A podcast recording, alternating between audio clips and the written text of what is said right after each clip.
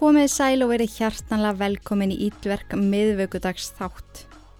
Mikil ósköp er gaman að vera einna með ykkur. Ég heiti Inga og er ástkær þáttastjórnandi þessa hlaðvarps. en ég vona þið sé að hafa það gott, að COVID sé ekki að ruggla allt og mikið í ykkur og þið passi að borða nóg, taka vítamin og drekka vatn og reyfi ykkur. Það er mikilvægt. En þáttur dagsins er í bóði blöss.is og svo vil ég líka minna ykkur á að kíkja enn á ítverk.is og skoða áskriftaleðina. En með því að skrá ykkur í hana fáið þið tíu auka þætti í mánuði fyrir 990 krónur. Og eins og ég segi alltaf, vonandi bestu 990 krónur sem að þið munu koma til með að eyða á æfinni. En eigum ekki bara að henda okkur á stað? Þetta er maður sem að varð fyrir mörgum höfuhögum, maður sem að fekk viðunefnið The Classified Ad Rapist og síðar The Tampa Serial Killer. Viðbjóðurinn Bobby Joe Long gjör þið svo vel.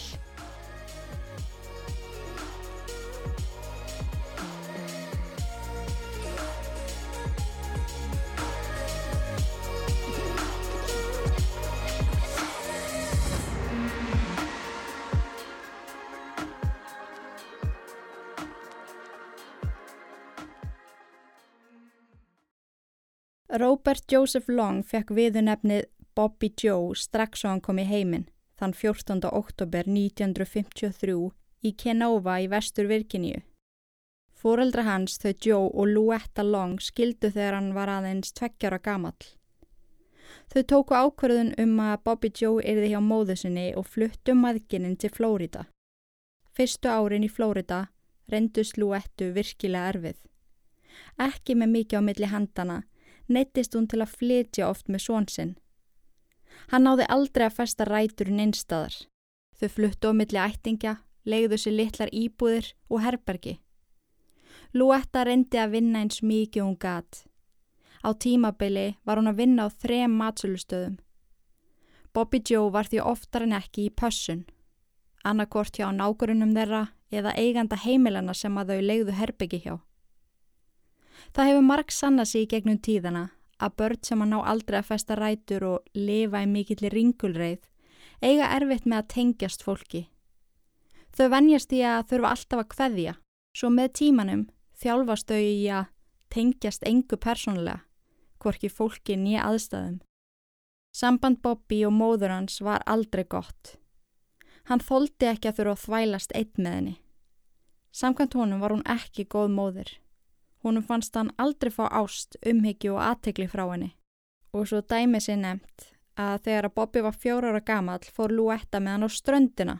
Hún sáð hann um að hlaupa sjónum og leika sér við hina krakkana. Hún ætlaði að sóla sér á meðan.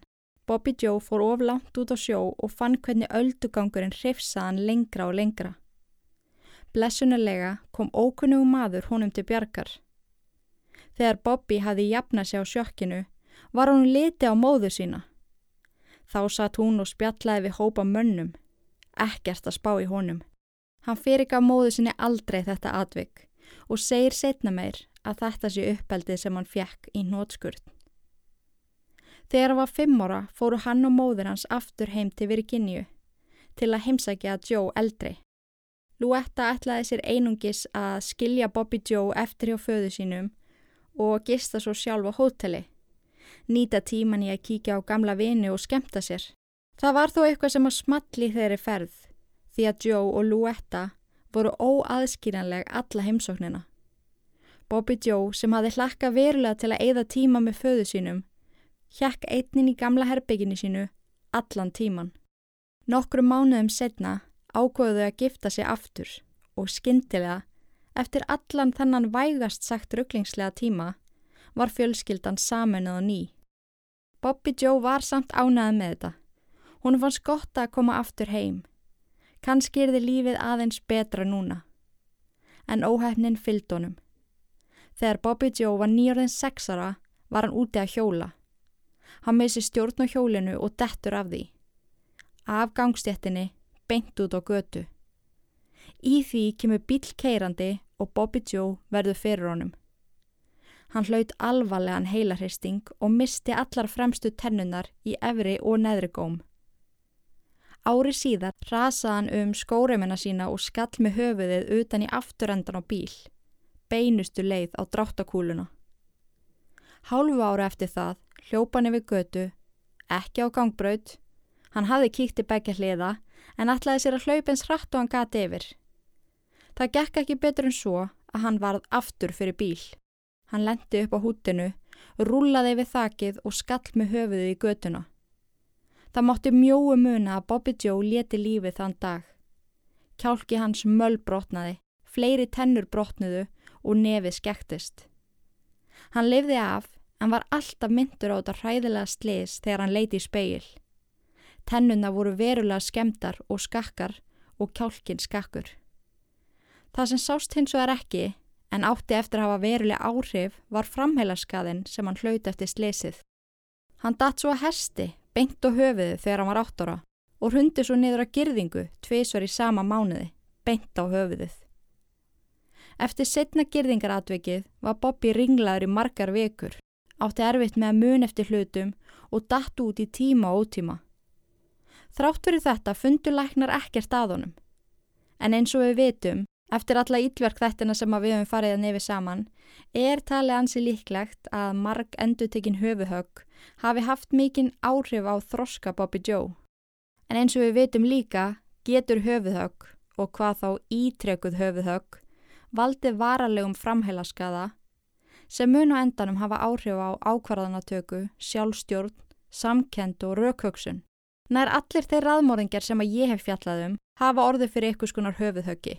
En svona by the way talandum þetta þá langar mig að bendi ykkur á jólaspjalláttin sem að koma út 24. desember en þá kom hún telmatimmin snillingur sem sér um blokkiðin á ítlerk.is og hún frætti mig og okkur alveg helling um höfuðhögg í þeim þætti ef ykkur langar að hlusta og fræðast meira um það. En það hjálpaði vissuleg ekki að Bobby hafiði frá fæðingu verið öðruvísi. En hann fættist með auka X-litning. Það heilkenni kallast Kleinfelter syndrom sem hefur í för með sér of mikla estrogen framleiðslu. Það er mikil hægt á ófrjósemi vegna þess að eistun starfa ekki sem skildi. Karlmönnum með auka ekslitning vaksa oft um, munminni líkamsár, hafa ekki af mikinn áhuga á kynlífi og í kringum kynþróskaskeið fá þeir brjóst. Þetta getur því haft gríðarlega áhrif á einstaklingin sem að þjáist af heilkenninu. Maður getur rétt ímynda sér hvernig það er að vera úlingstrengur að ganga í gegnum alla þessa flóknu tilfinningar svo allt í einu vaknarum með brjóst. Það hlýtur að vera verulega rugglingslegt og sennilega algjör hrollvekja fyrir marga. Árið 1963 var samband fóreldra hans afturorðið mjög styrst. Þau rifust endalust, skelltu hurðum og kölluðu hvort annað ljótum nöfnum. Bobby Joe lokaði sig af henni í herbyggi og hjælt fyrir eirun. Hann þoldi ekki meira.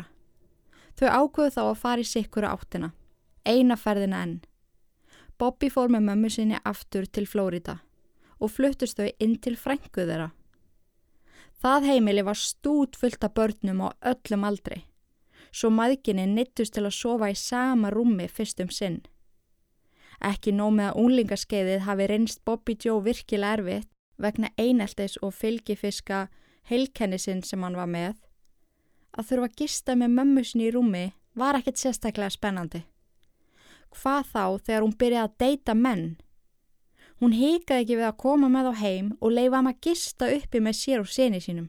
Fyrstu kynni Bobby Joe af kynlífi var að horfa upp á hana og hlusta á mömmu sína að stunda það við hliðin á sér í rúminu. Guð minn góður. Bobby Joe hataði þetta skiljanlega, mjög skiljanlega, því það var alltaf nýr maður í hver skipti og Bobby reytist mömmu sinni fyrir lauslætið. Eftir langan tíma af þessu fylltist mælirinn. Hann sagði mömmu sinni að hann skammaðist sín fyrir hana. Hún var í lauslát og hagaði sinna svo drusla. Hann reytti í hana óerðum og sata ekki á skoðun sinni þegar að koma þessu. Á þessum tíma var Luetta komin í tvær vinnur. Hún vann á bar og veitingastaf, svo hún vann mest megnið af sólarhengnum, nema kannski rétti við morgunin. Hún neyttist því til að skilja Bobby Joe einan eftir heima, sem var nú allt í lægi þar sem að hann var orðin úlingur og gatt hugsað um sjálfa sig. En hann vissi ekkit hvað hann átt að gera. Hann gati ekki tekið ákvarðanir fyrir sjálfan sig. Hann einhvern veginn fattaði það ekki sjálfur að fara til dæmis að vinna. Hann stólaði rosalega mikið á mömmu sína. Maður veldi í fyrir sér hvort að það stafi af öllum þessum höfuhögum eða hvort hann sé hreinlega alin upp svona. Eða það getur líka verið blanda bæði. Eftir ára mikilli vinnu og pöði hafði Lúetta sapna nægum pening til þess að kaupa lítið hús fyrir hana og Bobby Joe. Samkvæmt Bobby helduðu áfram að sofa saman í rúmi, þótt að það væri auka svefnerbyggi. Ég fann hverki afhverju en miða við hvernig hann lísti sambandi þeirra, þá var það virkilega brenglað á svo marga vegu. Og nú er ég alls ekki að segja að það sem brenglað að sofa upp í á mömmu sinni, ég gera það ennþá í dag og finnst það bara mjög kósi. En að sofa við hliðin á mömmu sinni á meðan hún stunda kynlíf og halda svo áfram að sofa upp í hjá henni þótt hann hafi annað pláss í húsinu. Það, það er skrítið og bendir vissulega margtið þessa þau hafi verið í eitthvað svona kynferðislegu sambandi og það eru sögursagnir um það en ég fann enga staðfestingu. Hann hætti að sofa upp í þegar hann var 13 ára gammal þegar hann kynntist æsku ástinni sinni Cynthia Barlett. Hún segi frá því setna meir hversu hratt hún fjall fyrir Bobby Joe. Hann var heitlandi, góður og fyndin og það má í raun segja að þau hafi alveg hvort annað upp. Að þekkti hann betur en nokkur annar og þekkti allar hans hliðar, líka þær slæmu. Hann átti vissulega erfitt með skapið sitt. Ef að strákar á hans aldri bögguðu stíunum var hann ansi líklegur til að berja þá til óbóta. Það hjálpaði heldur ekki þessi auka litningur sem hann fættist með. En eins og ég sagði að þá fekk hann brjóst á kynþróskaskeiðinu sem gerði hann að ansi vinsælu skotmarki eineltis. Í skólasundi þver neita hann að fara úr bolnum. Hann skammaði sín fyrir brjóstinn og gæti ekki hugsa sér að ganga um berbrjósta innan gæslappa á sundlega bakkanum. Ef að sundlega kennarinn bað hann vinsalast að fara úr bolnum, snappað hann og var yfirleitt sendur til skólastjónans. Á endanum voru svo brjóstinn fjarlægð, en skaðin var samt skeður. Þótt að hafi vissilega hjálpa sjálfstrausti hans, vestnaði hegðun hans til muna næstu árin. Hann öskra á mömmu sína, sæðist hatana. Hún hafi eðalagt hann andlega. Cynthia þurfti oftar en ekki að róa neður, sem var ansi mikil ábyrð fyrir rúmlega 14 ára stelpu. Hann sagði henni að hann hataði mömmu sína með öllu hjarta. Allt það slæma sem hafi komið fyrir væri henni að kenna. Árið 1970 þegar hann var í tíundabekk hætti hann að mæti skólan. Þegar móður hans fekk símtal frá skólastjóranum um að Bobby væri ekki búin að mæta í nokkra vekur, reytist hún heftalega. Á millið þeirra braust út stórt rifrildi. Á endarum náðum svo að sannfara hann, eða frekar skipunum að fara aftur í skólan og þá mætti hann í nokkra daga þar til hann hætti að mæta aftur, sem var þá endanlegt. En við skulum taka okkur örstutapásu og fara svo inn í nýtt tímabil í lífi Bobby Joe. Heyrum nokkur orð frá styrtaræðila þáttarins. Hæ, þessi þáttur er í bóði blöss.is og mikið lifandi skelvingar í þakklátt fyrir það. Mér langaði að deila með ykkur nokkrum sniðugum hlutum sem að þið kannski vitið ekki um starfsemi blöss. Vissur að inn á heimasíðu þeirra getur þú nálgast ímsan fróðuleik eins og til dæmis hvernig get ég hjálpa maka mínum ef að til dæmis kynlífið endist of stutt eða hann á erfitt með að fá það eða svör við spurningunni er ég fullnægð? Það er allt og há prósend að hvenna sem að stunda kynlíf án þess að fá fullnægingu. Svo líka ein mjög áhugaverð staðrind vissu því að kvíðalif geta haft þann fylgikvilla að þú færð ekki fullnægingu eða áttu rosalega erfitt með það. Konur viðsvegar í heiminum díla við það vandamál og margar þeirra mæla með Satisfyer Pro Traveler sem er ansi áhugavert og það sé eina tækið sem að hjálpar þeim. En það er ímislegt sem hægt er að spá í þegar að kemur að kynlifi, hvernig má bæta það og það er til fullt af lausnum. Þú þarf bara að bera þig eftir björginni, leita ykkur sem að getur hjálpað þér og þú finnur fullt af mólum inn á blöss.is. Og ekki skemmir hvað starfsfólkið er ótrúlega tilbúið að aðstofa þig. Þetta er einhvern veginn ekki bara vefverslun, heldur er þetta bæði upplifun og örugur staði til að fræða sig á. Það er engin sérstöku vara sem ég ætlaði að tala um í dag. Mér langaði bara að benda ykkur á þetta. Því að mér líður svo ótrúlega powerful að vinna með svona powerful og flottu fyrirtæki. Svona aðeila vill maður vestla við. Það er bara svolítið þannig. En ef eitthvað vantar eitthvað eða þeir eru mætt inn á síðanu núna og ætlaði að vestla eitthvað, getið þið nota kóðan ítverk fyrir 10% afslátt. Blöss.is. Takk og bless!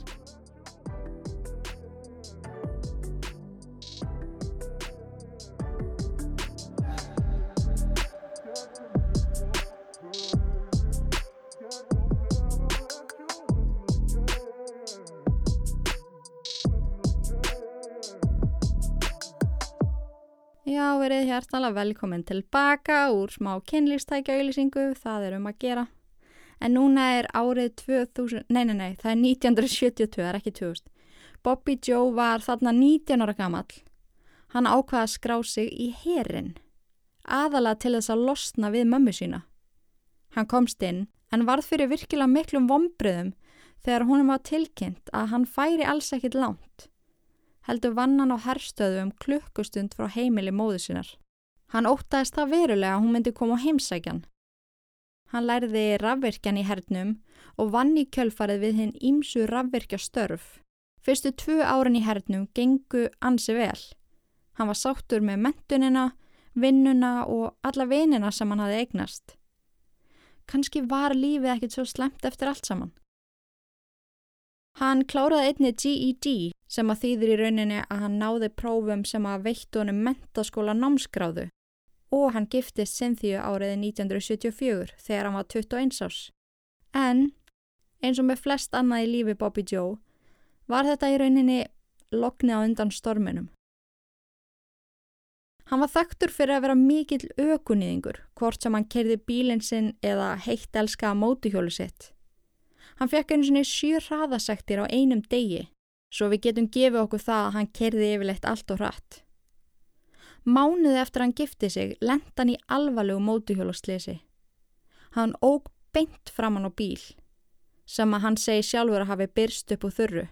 Hann skausti við bílinn og lendi þrem metrum frá honum og eins og svo oft áður lenda hann á höfðinu. Hann var blessunalega með hjálm, annars hafði hann dáið samstundis, en höggi var það mikið að hjálmurinn brotnaði. Hann var fluttur með sjúkrabíl á sjúkrás í flíti. Hægri aukslinn hans var möllbrotin, næstum hvert einasta bein í hægri fæti hans var brotið, ásand mörgum öðrum djúpum og stórum skurðum, þar á meðal á höfðinu. Hann var í dái í þrjá daga og læknar gáttu ekki gefið svör um bataferlið, hvort hægri fóturum myndi yfir höfu virka sem skildi, eða hvort að höfuð áverkanir myndu hafa varanlega áhrif. Þá þurfti í rauninni bara að býða og sjá.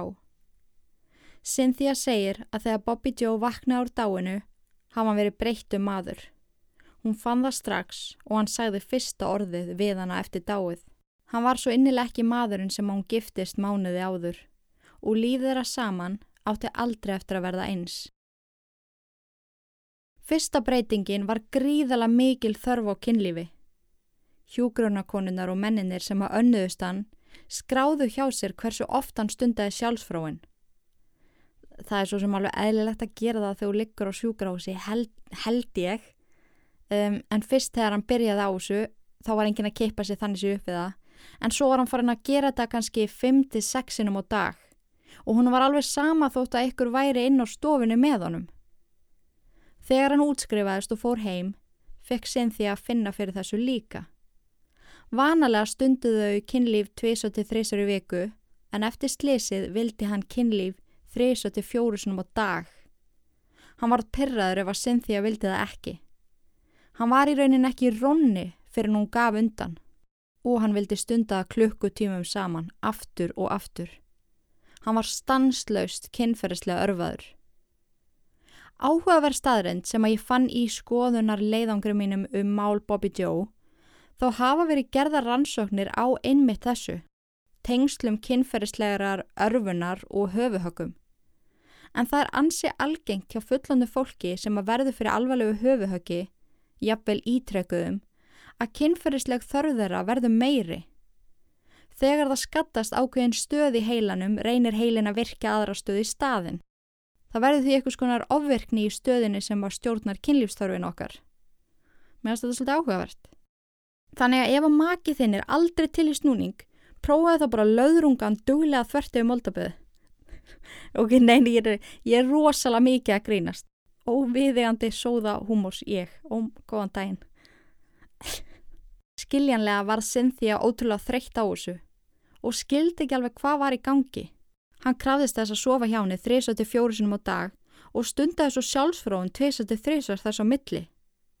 Með þessu fylgdi mikið óöryggi. Hún fór að veltaði fyrir sér hvort að hún gæði hann mikið nóg. Hann þyrti meiri ást og aðtekli. En Cynthia var svo sannlega ekki vandamálið. Því rúmum tvei mánuðum eftir hann útskrifaðast úr sjúgrásinu tók hann fyrsta ofsa reyði kastið á hana. Þá viss hún að eitthvað hefði skattast við slesið. Því þótt að hann hefði oft verið reyðu við mömmu sína og held úr skálum reyði sínar yfir hana, þá hafði hann aldrei verið reyður, vondur og ofbeldisneðu við Cynthia. Hann náði ekki að stjórna skapi sínu á neitt nátt. Ef hún líkaði ekki maturinn sem hún eldaði, öskraðan, barðana, hrækta hana.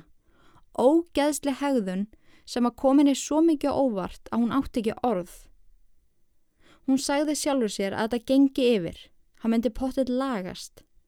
Bólgunar í heilanum ánum myndi hjaðna og þá kæmi Bobby Joe sem hún þekkti tilbaka. En það gerðist ekki. Cynthia var svo ófrisk í byrjun 1975. Mjög stutt eftir að þau eignuðust fyrsta barni sitt sem var strákur, komst hún að því að hún væri ófrisk aftur og í þetta sinn kom stúlka í heiminn. Eins hamingi söm að þau voru með börnin, þá fylgdi þeim auðvitað aukin útgjöld og þar sem Bobby Joe gati ekki haldininu starfi út af reyði vandamálum sínum og verulega óstabilu andlu ástandi bættust fjárhags áhegjur ofan á allt hitt. Það hjálpaði heldur ekki þegar Bobby Joe ákvað áriði 1977 að skrási í skóla. Cynthia skildi ekki alveg tímasetninguna. Þau voru með tvö lítil börn og virkilega ítla stæð fjárhastlega. En Bobby Joe leta sem vindu meiru þjóta. Húnu langaði að læra röngantekni, sem hann gerði. Húnu gekk gríðalega vel í náminu og kláraði það heitli önna undan samneimendum sínum. Hann útskrifaðist með frábæra renganir árið 1979 þá 26 ára gammal. Í kjölfarið fekk hann starf í fæinu. En ástandi heima hafði ekki batnað. Barsmíðanar og andlega misnótkunin varð verri og verri. Cynthia var gjössalega búin á því og sál og líkama. Sömarið 1979 barðan Cynthia svo illa að hún var flutt meðvendundalös á spítala. Þegar hún fekk meðvitund aftur og rifjaði upp hvað hafði komið fyrir, ákána Núna myndi þetta stoppa. Hann myndi aldrei fá að berja hann aftur. Hún ætlaði að taka málinn í sínar hendur. Þegar hún útskrifaðist let hún eins og ekkert væri. Talaði ekki eins og um það sem að hafði komið fyrir. En um nóttina, þegar Bobby Joe var sopnaður, laumaðist hún fram úr, niður í bílskúr og sótti riffilinn hans Bobby. Hún gekk með hann inn í svefnarbyggi og miða hann beint á höfuð hans. Hann skildi aldrei komast upp með að gera þetta aftur. En hún gata ekki tekið í gekkin. Hún stóð með bissuna við rúmið og miðaði á hann klukkutímum saman. Manaði sig að gera þetta. Allt er þið betra ef hann dræpist bara. Hún stóð aðna að þanga til að vekjara klukka Bobby vaktan. Cynthia var ekki nógu snögg og Bobby sá hana og sá bissuna. Sankant henni sagðan við hana gerðu þetta bara, ég veit þú myndir aldrei þóra þessu. Sem að var alveg rétt. Hún hafði það ekki í sér að myrðan. Og það sem stoppaði hana einna helst voru börnið þeirra tvö. Ef hún dræpi Bobby, myndi hún fara í fangelsi og þá hefðu þau engan og hún gæti ekki gert um það. Hún ágáði að fara aðra leið. Árið 1980 gekk skilnaður Cynthia og Bobby Joe í gegn og vann hún svo máli þegar að koma því að fá 100% forræði við börnuna þeirra. Bobby Joe var skikkaður til þess að greiða meðlag og fekk mjög takmarkaðan umgengisrétt. Nokkuru mánuðum eftir skilnaðin fluttist hann svo til Tampa. Á þessum tímapunkti er það mjög augljóst hversu mikla útrás hann fekk á aumingja Cynthia.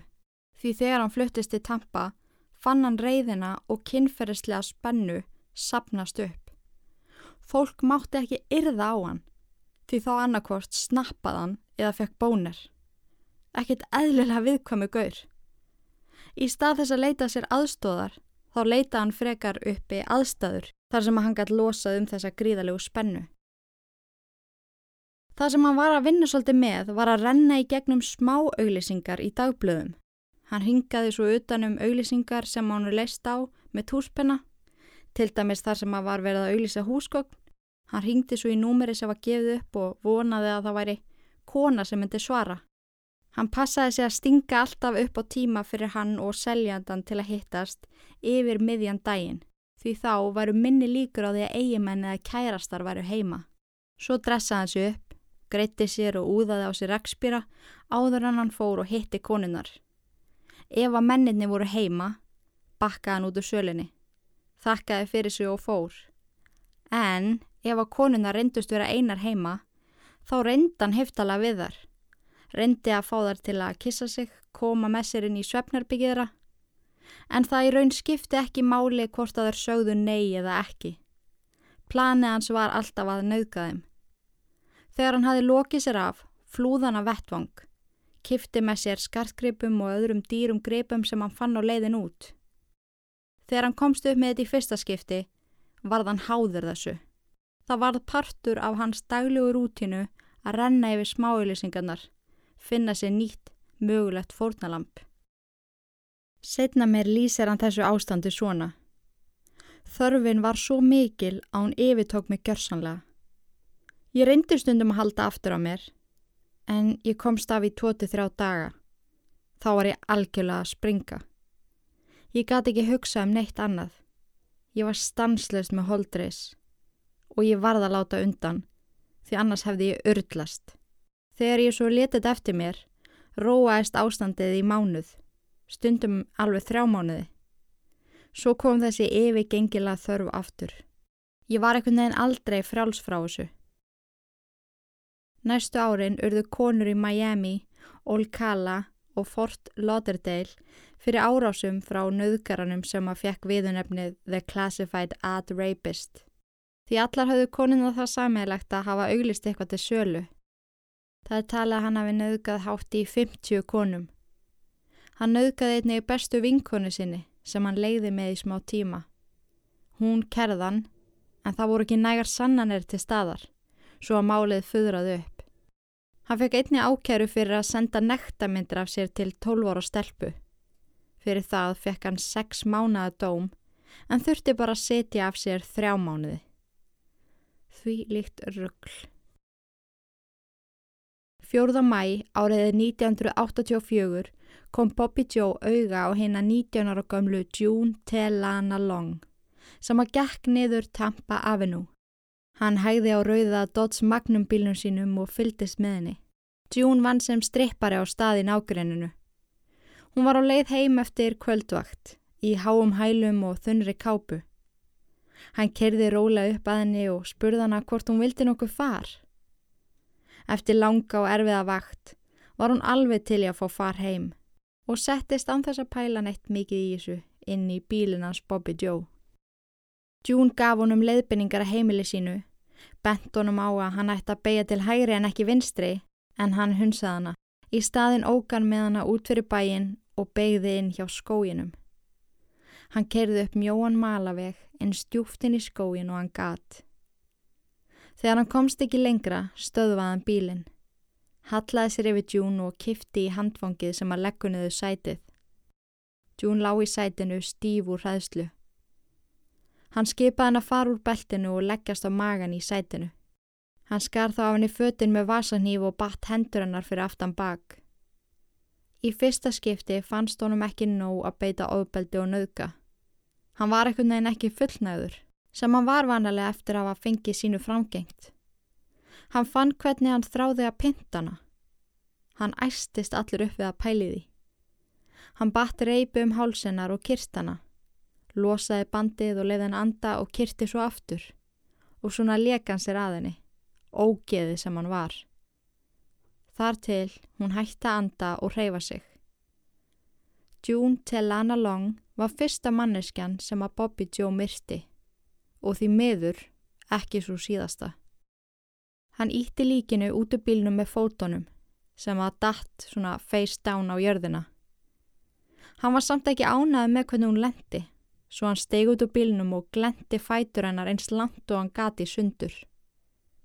Af hverju að nefna þetta? Því það getur sagt helling um morðingjan sjálfan hvernig hann skilur við líkið. Það getur sagt helling um hvatan líka fyrir því af hverju hann gerði þetta. En það hefur marg sinnis verið rannsakað og sannað að morðingjar sem að skilja líka eftir þá aðalega konur, naktar og búa að stilla þeim upp eru með þessu að niðurlæja hinn að látnu. Með þessu síndan hversu litla virðingu hann hafði fyrir henni. Þessi tiltækna stelling sem að June fannst í átti eftir að hjálpa til við leitina af morðingjanum. Því þegar sérfræðingur í því að setja upp svona profíl fyrir morðingja, vinnur í máli Bobby, skráir hann hjá sér að einstaklingurinn sem er þarna á verki glými við eitthvað skonar mommy issues og beri mikinn hatur til hvenna. Það er áhugavert hvað svona hlutir geta sagt mikið um rannsókn mála. Líkið en að June lág í skóginum í nýju daga. Á maðuradaginn 1984 fundu tveir úlingspiltarana og gerðu lauruglu viðvart. Á meðan þá beigð Bobby Joe og veldi ég fyrir sér hvort að hann myndi komast upp með þetta. Hvenar það yrði fjallað um líkfundin? Eins og kom fram áðan þá kom engin auga á líkið í nýju daga. Þegar það svo fannst var ekki fjallað um neitt annað í frettunum. Bobby Joe segi sjálfur setna meir að hann hafi hreinlega ekki verið vissum hvort að þetta hafi gerst í alvörunni. Ekki fyrir hann sá þetta í blöðunum og sjóarpunu. Á vettvangi fundust nokkur sönnunagögn. Fyrir utan uppstillingu á líkamadjún þá fundust dekkjaför og rauðir nælón þræðir en þræðinni virtus koma úr eitthvað skonar mottu eða teppi. Þetta var hansi stór vísbending, en rannsóknin gekk hægt. Það hægt að Bobby Joe hafði nægan tíma til þess að plana og láta sér dreyma um næsta morð. Hann var fullur af sjálfströsti og nokkuð vissum að hann hafi komist upp með þetta. Það var nákvæmlega ekkert sem að stoppa hann í að halda áfram. Hann ákvaði að nota nákvæmlega sömu taktík næst þar sem þetta virkaði svona vel í fyrsta skiptið. Tveim vikum eftir að lík June fannst þann 27. mæ 1984 fór hann aftur til Nebraska Avenue og kerði niður rauðu göduna. Ungar stelpur stóða á hverju hórni en hann laðaði strax að henni 22. Michelle Sims en hinn undurfæra Michelle var fyrir um keppandi ungrú Kalifornia hávaksinn dökkar með breytt og fallegt brós. Bobby Joe varða fá hana. Hann kerði rólega fram í hanni og skrúaði niður rúðu bílsins. Hún sá hann og gekk til hans, spurði hvort að hann væri nokkuð að leita sér að deiti. Nokkru mínúndum setna sást til hennar setjast upp í bílinn hans Bobby. Þau kerði í burtu og enginn sá Michelle aftur á lífi. Lík hennar fannst daginn eftir hendur bundna fyrir aftan bak og fætunni glentir í sundur. Nærböksur hennar og hvítur samfestingur sem hún hafi klaðist hjekk á grindverki við hliðin á líkinu. Það fundust einnig rauðir nælon þræðir á vettvang, á samt dekkjaförum. Bórið saman við sönnunagagn úr fyrramáli voru dekkjaförin af nákvæmlega sama bíl og rauðu þræðirnir úr sama teppi á bíl. Lauruglu vissi þarna að sami einstaklingur væri á ferðinni og í Tampa gengi raðmorðingi laus. En núna komu upp ansi áhugaverðar upplýsingar. Muniði þegar ég sagði ykkur áðan hvað er hægt að læra mikið um morðingja með því að skoða hvernig er stilla upp líkinu. En það var sérst gert á þessum tímapunkti. Og það er ótrúlegt hvað er náðu að setja upp skýra mynda Bobby Joe bara með þeim upplýsingum sem að er höfðu. En ykkur neginn með Þessu litla segir höfðu fundur út að hann væri sennilega kvítukallmaður. Hann valdi fórnalöfum sem hann taldi að enginn myndi sakna, aðalega vendiskonur. Einstaklingur sem að gekk illa í skóla og hætti sennilega áður en hann kláraði. Átti erfitt með skapið sitt og var í gríðilega kvadvís og með enga samkend og raukhugsun. Og ansið líklegt að hinn segja við eitthvað tíman verið í hernum. Ég veit ekki hvernig þeir fara að þessu En þetta er fáralega nákvæmt og gaf lauruglu klárlega fleiri upplýsingar til að vinna úr. Meða við þær upplýsingar sem að laurugla hafði í höndonu þarna var talið hansi líklegt að Bobby Joe væri hvergin er hættur. Hann nýtið þess að gera það sem hann gerði og ef hann væri ekki stoppar myndi þetta bara halda áfram, sem að var alveg rétt. 8. júni 1984 bauðan 22 ára gamlu Elisabeth Laudenbach far. Hún þáði farið, en þegar hún settist upp í bílinn hans sagði hún við Bobby Don't try anything eða ekki reyna neitt. Ólíkt hinum fórnulegum Bobby var Elisabeth ekki vendiskona. Hún var feimin og hlétrægur einfari. Þeir sem að þekktu hana lístu henni sem rólegustu og hjartengdustu mannesku sem að þau þekktu. Hún eitti möst öllum helgum sínum í hægindastóla að lesa bækur. Virka daga vann hún svo sem afgræslustúlka í ráftækjaverslun. Bobby segi frá því setna meira hann hafi gert sig grein fyrir því að hún væri ekki vændiskona. En hún var klætt ótrúlega svona eðlilegum dagstæglega fötum ómáluð með gleru. Hann ætlaði sér bara að nöðgani og sleppeni svo. En það var eitthvað við attitútið í henni sem var pyrraðan. Hvernig hún svaraði hann um fullum hálsi og horfið beint framann í hann. Húnum fannst hún óþólandi, svo hann ákvaða myrðana og skilja hana eftir nakta með fætunar útglenta og hendunar bundna fyrir aftan bak. Þegar hann ætlaði að losa sig við fötin hennar og aðrar eigur hennar, fann hann kortið hennar og pinni af því í verskinu. Hann hendi öllu en hýrti þetta tvent og tók út peninga í hraðbanka þar til að það hætti að koma heimild. Þar sem á þetta tiltegna atvög var frekar ólíkt heinum, úrst Elisabeth var ekki vændiskona, það hafði aldrei verið notað kort fórnalampana áður, þá hjælt laurugla í smástunda um annan morðingja var að ræða. Það var ekki fyrir en lík Elisabeth var ansaka betur, en þá fundust sömu rauðu nælón þræðirnir, sem að sannfærði lauruglu um að tampa raðmorðingin hefði gert þetta. Hinsuðar, eftir morði á Elisabeth þá stoppaði þetta alveg í þrjá mánuði. Við vitum ekki alveg nákvæmlega af hverju hvort að Bobby Joe hafi viljandi reynd að láta líti fyrir sig fara eða hvort að hann hafi hreinlega verið fullnægður í þennan tíma en það er líka þekkt að raðmórðingar taka oft tímabil sem að kalla svona cool-off period eða kvildar tímabil. Almenningu leiði sér allan að vona að þetta væri búið og lauruglan líka.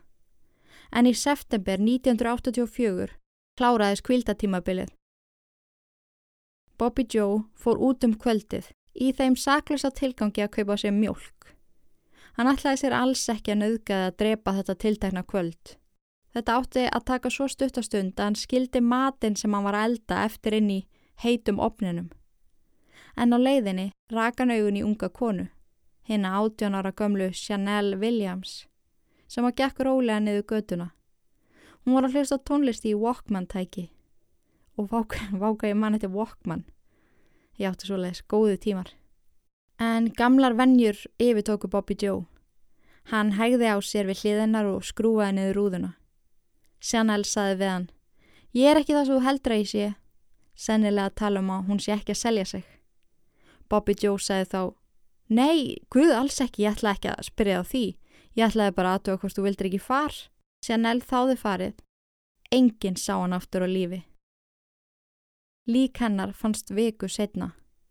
Hún var ekki bundin og bara nakina neðan, svo að fyrst var veldi fyrir sér hvort að ykkur annar væri að verki heldur en tampar aðmóringin. En við nánari rannsókn og líkinu fundust þessi kunnulugu rauðu nælonþræðir. Janelle Williams var skráð sem fjórða fórnalamp tampar aðmóringjans. Fjórum dögum síðar rak Bobby Joe augun í aðra unga konu, Karen Dinsfriend. Morða á Chanel hafði kveikt í sterkri þráhyggju hans fyrir að nauðga og myrða. Hún þáði far með honum og var Bobby fljótur á bindana og fara með hann á afskektan stað. Eftir að hafa nauðgaðinu og kyrst hana til bana, ætlaði hann að losa sig við líkið, eins og hann gerði alltaf með því að sparka því út úr bilnum og stilla því svo upp. En í þetta skipti var hann trublaður. Hann þorði ekki að losa sig við hana því að hann heyrði skrítin hljóð eins og ykkur væri nálagur. Hann beigð klukkutímum saman í myrkrenu með líkarinn í farþegarsætinu. Þegar honum fannst hann svo örugur, vafðan líki Karenar inn í teppi og kom því fyrir í skottinu. Hann kerði í rúman klukkutíma í burtu og aðra staðsendingu þar sem hann losaði sig við hana. Lee Karen Dinsfriend fannst hann 14. oktober 1984 á 31 árs ammælistegi Bobby Joe og 5. fórnalam tampar aðmóringjans var skrásett eftir að rauðir nælonþræðir fundust á líkinu. Líkin heldur svo bara áfram að byrtast. Á Halloween-nóttinni fannst annað lík vafiðin í teppi. En börn sem hafði verið að ganga um kerfið sitt og byggja um nammi fundu það. Rauðu þræðirnir voru til staðar. Og vákvæður örglega óþólandi að vita til þess að sami gaur að þessu og það fannst alltaf að sama á öllum líkamsleifum en geta samt ekki greint frá því hvernig bíl þræðirni voru að koma úr. Það var allan ekki komið fram í þeim gögnum sem að ég skoða að það hafi verið reynd. En eins og gerist svo oft hjá raðmóringum þá verða þær kærulausir. Eftir að komist upp með að nauðg og myrða sex konur á sex mánuðum og ekki má gleyma því að hann var raðnauðgari í mörg ára undan því, þá hefur honum öruglega fundist hann ósnertanlegur. Þrem dögum eftir að líkið fannst á Halloween kom Bobby Joe auga á hérna 17 ára gömlu Lísu McFay Hún var að slökka og læsa á Krispy Kreme, kleinurhingjastæðnum sem hún vann á. Samstarfsfélagi hennar hafði bóðinni far sem að hún afþakkaði. Sæðist vera með hjóli sitt. Hún hjóla af stað en hún fór þessa tiltaknuleið mörgusinum í viku. Þegar hún fór fram hjá kirkinu tók hún eftir skrítnum bíl fyrir utan kirkuna en vanalega voru öll bílastæðin tóm fyrir utan. Bílinn var rauður og einn hjólkoppurinn var ólíkur hinum þrem. Í forvinni sinni leit hún aftur fyrir sig þegar hún hjólaði framhjá. Í því er grepið í hana. Hjólið hrundi í jörðina og Lísa var dreyina í rauða bylnum. Hún sá ekki árasamannin. Eina sem hún fann var að ykkur hjælt þjættingsfast í hana og einhverju ísköldu var þrýst upp að gagnaugjanar. Hún sá svo að þetta var bissa. Lísa öskraði með öllum lífs og sála kröftum. Maðurinn dró hana nær og nær bílnum. Þegar þau voru komin upp á hannum, opnaði hann hurðina og hendi hann inn. Lísa sá beittan nýf á gólfin á bílnum. Hún öskraði og barðist. Maðurinn beindi bissuna að höfði hennar og skipaði henni að fara úr öllum fötunum. Ég held að heyra það frá Lísu sjálfri hvað kom fyrir hana. Því að já, hún lifði af. Ég mun svo útskýra fyrir ykkur á eftir hvað kemur fram í klippunni. You were taken to his house. Mm -hmm. He put you in the vehicle. Mm -hmm. The ride there, are you able to, to see his face? Are you able to get any bearings I where you are? I knew at that moment that I had to survive. Mm -hmm. I had to reach down the pit of my stomach and just go with the last survivor skill ever. Um, I told myself I was going to live. Mm. I told myself I would fight with him emotionally, not physically. Um, that night before my abduction, I had already sat down wrote my suicide note.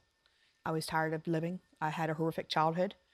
Um, and now it's time for me to fight one more time to survive. I was already a survivor. So there you were, 17, struggling with all of these emotional things yes. going on in your personal life. And now you're in this point. Yes. At this, it, I can't even, I mean, I've, I've read the story 3,000 times. And, and I have to tell you, at this juncture where you are in his home, you, as you pointed out, physically not a match for him, something within you kicks in. Yes. Where you say, I may not be stronger than him, mm-hmm. but I'm smarter. Yes. It was not, it was not my day that day to, to die. Mm-hmm. Um, I had to see. You'd be surprised what you can see when you're blindfolded, what you hear, taste, smell, all those, you know, senses come into play. I was able to take, after he blindfolded me, anytime he would blindfold me, take it off, blindfold me, I would clench my jaw. Um, like if you tie a string around your mm-hmm. wrist and it's rolled tight and loose and your, the string's loose, yes? I did that with my jaw. Um, what was the reason behind that? So I was able to have the blindfold loose enough so I could see beneath a little bit to see where I was at and where he was taking me. Were you able to talk to him at this point? Um, yes. Um, Were you trying to? act- Did you say why me? What? What? uh, there was a moment we had a conversation. I had asked him why was he doing this to me. Um, he said due to a recent breakup, he was getting back at women in general. So I'm like, So wow. you were the scapegoat. You were Yes. a random victim that he did not know, that Right. you'd never come in contact, but he claimed that a breakup Mm-hmm. made him choose you. yes. You tried reverse psychology with him. Um, skipping almost to the end of 26 hours were horrific. 26 hours. Yes, torture, held captive, bound Assaulted. most of the time. It's not called assault, it's called rape. And I'm going to tell it like it is. It's called rape. It's not assault. Battery, it's battery. Um, I'm not afraid to say rape. No. I want to know I'm not a victim, but I have a voice. Um, Yes. hear me roar. Um, there was a moment he asked me what he should do with me. I don't think I was in a position to tell him off, say, You got the gun, tell me. And I played on his heartstrings and re- reverse psychology, if will be, I'll be your girlfriend. Lisa, you you know you learn something every day, and I will never use the word assault again when it's been a rape. You know, as a reporter, we get conditioned to say assault because it's easier sometimes for people to hear. And I've reported for 25 years, and I remember when it shifted from using the word rape to assault. But you and your journey enlightened me to change something that I've done, and that's been a part of your voice here. no, it's true. It, it is rape, and it is hard to say, but it's what happened to you. What did you tell police that broke the case wide open? Um, through the different times the blindfold was removed and put on, uh, I was able to see the word Magnum on the dashboard. What was the word? Magnum, Magnum. like Dodge, uh, like a Dodge Magnum, Yeah. Magnum PI. Um, anything that I saw, heard, taste, smell, I would put it back in my little computer in my brain, and I tried to remember it because I knew it would be significant in his capture. 17 again, I'm thinking of this. He's going to get caught because I wasn't going to allow him to do this to anybody else. Um, also, I needed to know what area I was in. And I was very good with directions and landmark even at the age of 17 because I ride a bicycle to work every single day. So um, I saw two hotels, the Quality Inn and Howard's Johnson. So I knew it's at Interstate 275 in Fowler. Um, he went to a bank at one time. I got to see a silhouette of him, what he looked like um, from the back. It was dark time, so I couldn't see his face or anything. And because you kept loosening that Yeah. blindfold, Yes. you- I didn't even use my hands to loosen the blindfold. I was afraid to move. I would just, I was always back, you know, reclined back in the seat in the car. Um, and so you could see Yes, I could his s- I facial could- features. I didn't never saw his facial features through my eyes. I saw them through my hands. Eins og þið heyrðuð er þetta ótrúleg kona. Saga hennar er mögnuð. En daginn áður en Bobby Joe reyndinni hafði hún skrifað sjálfsvíksbref. Hún ætlaði að enda lífsitt sem að hafði alla tíð verið hræðilegt. Hún var flutt á milli fósturheimila alla æfi, þángar til hún var sendt til ömmu sinnar og kærasta hennar. Þá tóku við þrjú ár af daglegu kynferðslegu ofbeldi og henni fannst einhvern veginn engin tilgangur í að lifa fyrir en þannan tiltakna dag. Og mér finnst svo magnað. Ég bæði og ég hef hort á mörg viðtal með henni, þið geti gert það líka ef þið viljið fræðast meira um hana en það var svo magnað í einu viðtalinu sem ég horfði á þá segir hún Bobby Joe kendi mér að berjast fyrir lífi mínu og síndi mér að það var þess virði að lifa. Sem er ótrúlegt. Pæli að hafa þetta viðhor til raðmorðinga sem að ætla að myrða þig. En eins og kemur fram í klippinu þá segir hún að þá lagði hún allt á minnið. Það sem hún fann, hyrði og það sem hún sá þegar hún hallaði höfðuna aftur og sá undan auggrímunni. Í bifræðinni sá hún orði magnum á mælaborðinu og þegar hún leit neður sá hún eldrautt teppi á gólfi bílsins. Hún var bundin, nöðgað og pint í 26 klukkustundir. Hún náði samt að vera ótrúlega róleg og yfirveguð. Þegar Bobby leitt hana upp í íbúðina sína þá taldi hún þrepin. Hún fann lyktina á mollingu. Hún ætlaði sér að segja frá þessum upplýsingum þegar hún kæmist til lauruglunar. Þegar þau voru komin inn í íbúðina leitti Bobby Joanna inn á baðherbyggi. Hann kveikti á sturtunni og allt í hennu fór hann að haga sér allt öðruvísi. Hann ekkert neginn hagaði sér við hann eins og hún væri heitt elskuð kærastan hans. Böðst til að baða hana, þrýfa hann í hárið, ná í slopp fyrir hana og kalla hana svona elskulegum nöfnum. Á þessum tímapunkti spurði Lísan af hverju hann væri að þessu. Hún saði við hann, Þú hljómar er svo ótrúlega fitt gaur, ég skil ekki akkur úr þetta að gera þetta. Hann segir henni þá að hann sé nýbúin að fara í gegnum erfið sambandslit. Hún er langið að hefna sín á konum bara svona yfir höfuð. Sem að rennir stóðum undir þá kenningu að hann hafi verið haldin miklum hvern hadri. Hún beitt hann öfugri sálfræði allan tíman og miða við þá reynslu sem að hún hafði af kynferðislegri misnótkun þó vissi hún að stundum þýtti ekki að berjast á móti. Hann nöðgæði henni alla nóttina. Þegar hann var svo komið með nóg í byli sagðist Lísa þurfa að fara á klósettið. Hann ætlaði eitthvað að fara fylgjuna eftir en þá sá hann honum að hún gæti bara ekki pissa fyrir fram að fólk. Hvort hún mætti fara og vera einn í friða á meðan. Ótrúlegt en satt leifir Bobby henni það. Þegar hún er orðin einin á baðherbyggi þá þreyfar hún á öllu til þess að skilja pottet eftir fingrafur. Þegar hún kom svo aftur inn í söfnherbyggi saði Bobby henni að þau ætti að fara að sofa. Hann pakkaði henni inn og kistana og strauk svo bissuna yfir höfuð á henni til að minna hann á að haga sér vel. Bobby lagðist við hliðin á henni og sopnaði. Lísa lág andvaka alla nóttina. Hún íhugaði ofta að reyna að flýja en þorðiði ekki. Kanski þóttist Bobby Joe vera sofandi. Um morgunin hjælt meðsnótkunin áfram. Lísa þóttist vilja taka þátt í þessu, kistan á móti og straukunum um andlitið. En með þessu að koma við andlitið á hannum komst hún að ýmsum upplýsingum um andlisbyggingu hans. Hann væri með lítil eiru, hvernig skekkan væri með, áferðin á húðinni og þegar hann laug sér svo af þá spurðan hann að ýmsa spurninga til dæmis út í fjölskyldunarnar og framtíðaplön og Lísa svaraði honum bara mjög rólega og spurði jafnvel á móti. Spáðið kom að þarf að vera fokking mikil hetja til þess að ná að vera svona yfirvegaður og wow, minnst þetta magnað. Líka bara að ná að hugsa þetta svona langt, bara ok, ef ég playa með, kemi andlita á honum, þá veit ég ekki líst því sem ég finn fyrir laurugl. Hún var búin að ákveða það og hún ætlaði að komast þarna út. Mér finnst þetta ótrúlegt. Eftir umar 26 klukkustundir af þessum hrylling spurði Bobby Joe hana að spurningu sem hún bjóst ekki beint við að fá. En hann sagði, hvað á ég að gera við þig? Lísa sagðist geta verið kærastan hans, hún geti hugsa vel um hann. Það þurfti engin að vita hvernig þau kynntust, en hún geti vel elskaðan. Það var eitthvað við þetta svar sem að breytti hugsunarhætti Bobby Joe. Hann skipaði Lísu að klæða sig spurði hana hvar hún ætti heima því að hann ætlaði að skuttla henni heim. Á leiðinni stoppaði Bobby bílinn sinn og saði hann að býða á meðan.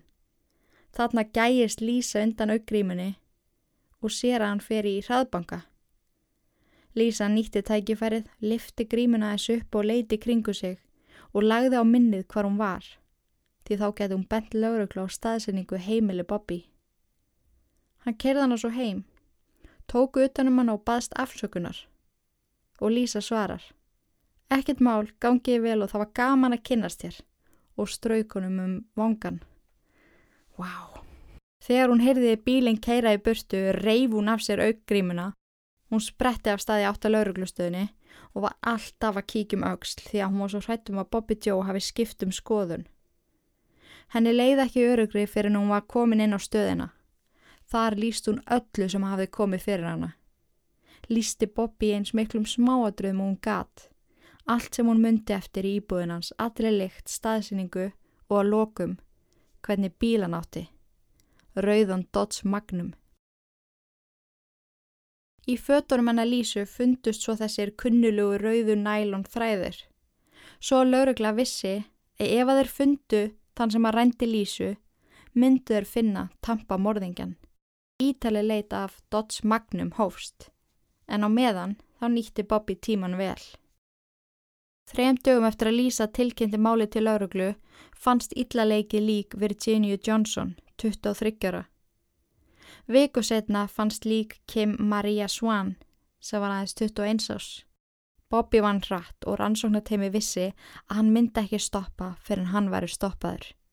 Þeir urðu að gefa í og þeir urðu að finna rauðan Dodds Magnum. FBI lagði leitinni lið og fjölmilar átuða í sig. Allan daginn, alla daga var fjallað um tampar aðmóringjan. Allir voru döðhrættir. Engin leifði dæturum sínum að vera einar úti. Margar stúlkur mætti ekki í skólan einu sinni. Fólk hjálpaði stað við að leita af rauðum Dodge Magnum og benda á aðela sem áttu þannig. Það voru allir all in. 15. november 1984 var Bobby Joe stoppaðar af lauruglu á rauða Dodge Magnum bílnum sínum. Lauruglan hafði ekki heimil til að handtaka hann en fengu að taka á hann mynd. Mér smjur skrítið að þeir hafi ekki haft heimil til að handtaka hann, en ok.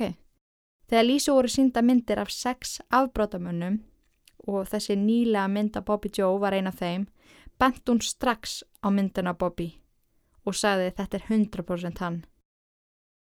Dæin eftir, 16. november 1984, var Bobby Joe handtekinn. Hann viðurkendi að strax að hafa rænt Lísu en neitaði að hafa nokkuð að gera með hinastelpunar. Þegar húnum var sínt þau sönnunagögg sem að voru að leiðaljósi allan tíman, stellingar líkamsleifana, rauðu nælón þræðina og dekkjaförun sem að pössuðu 100% við bílinans, sá hann að það var engin séns. Hann sagði þá, ok, hvað vil ég vita? Þeir auðvitað sögðu við hann að þeir vildu fá að vita allt frá upphafi til enda. Bobby Joe kinkaði kolli og hóf frásögnina.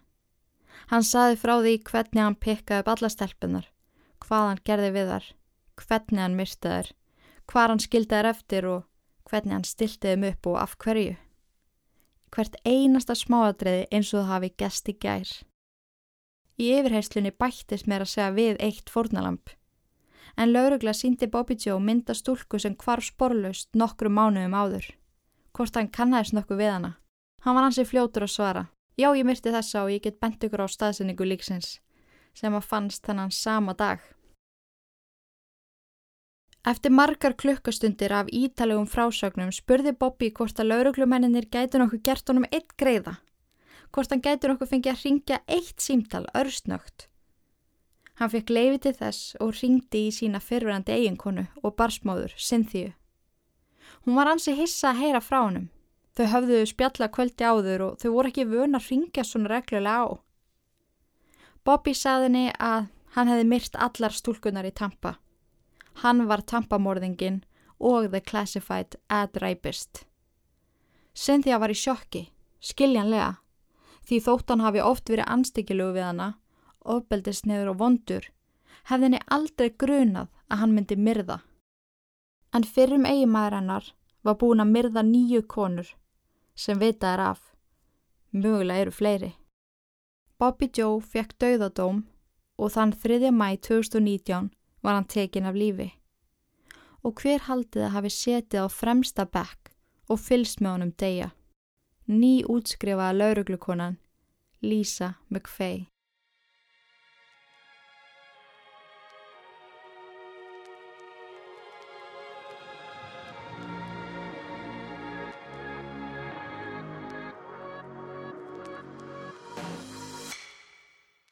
Áður í hvið ykkur vil ég minna ykkur á íllverk áskriftaleiðina. Hanna finniði inn á íllverk.is. Tíu auka þættir í mánuði fyrir aðeins 990 krónur. En ég þakka ykkur kærlega fyrir að hlusta, takk fyrir að vera til og í guðanabænum forðist öll íllverk nema þetta podcast. Verið sæl.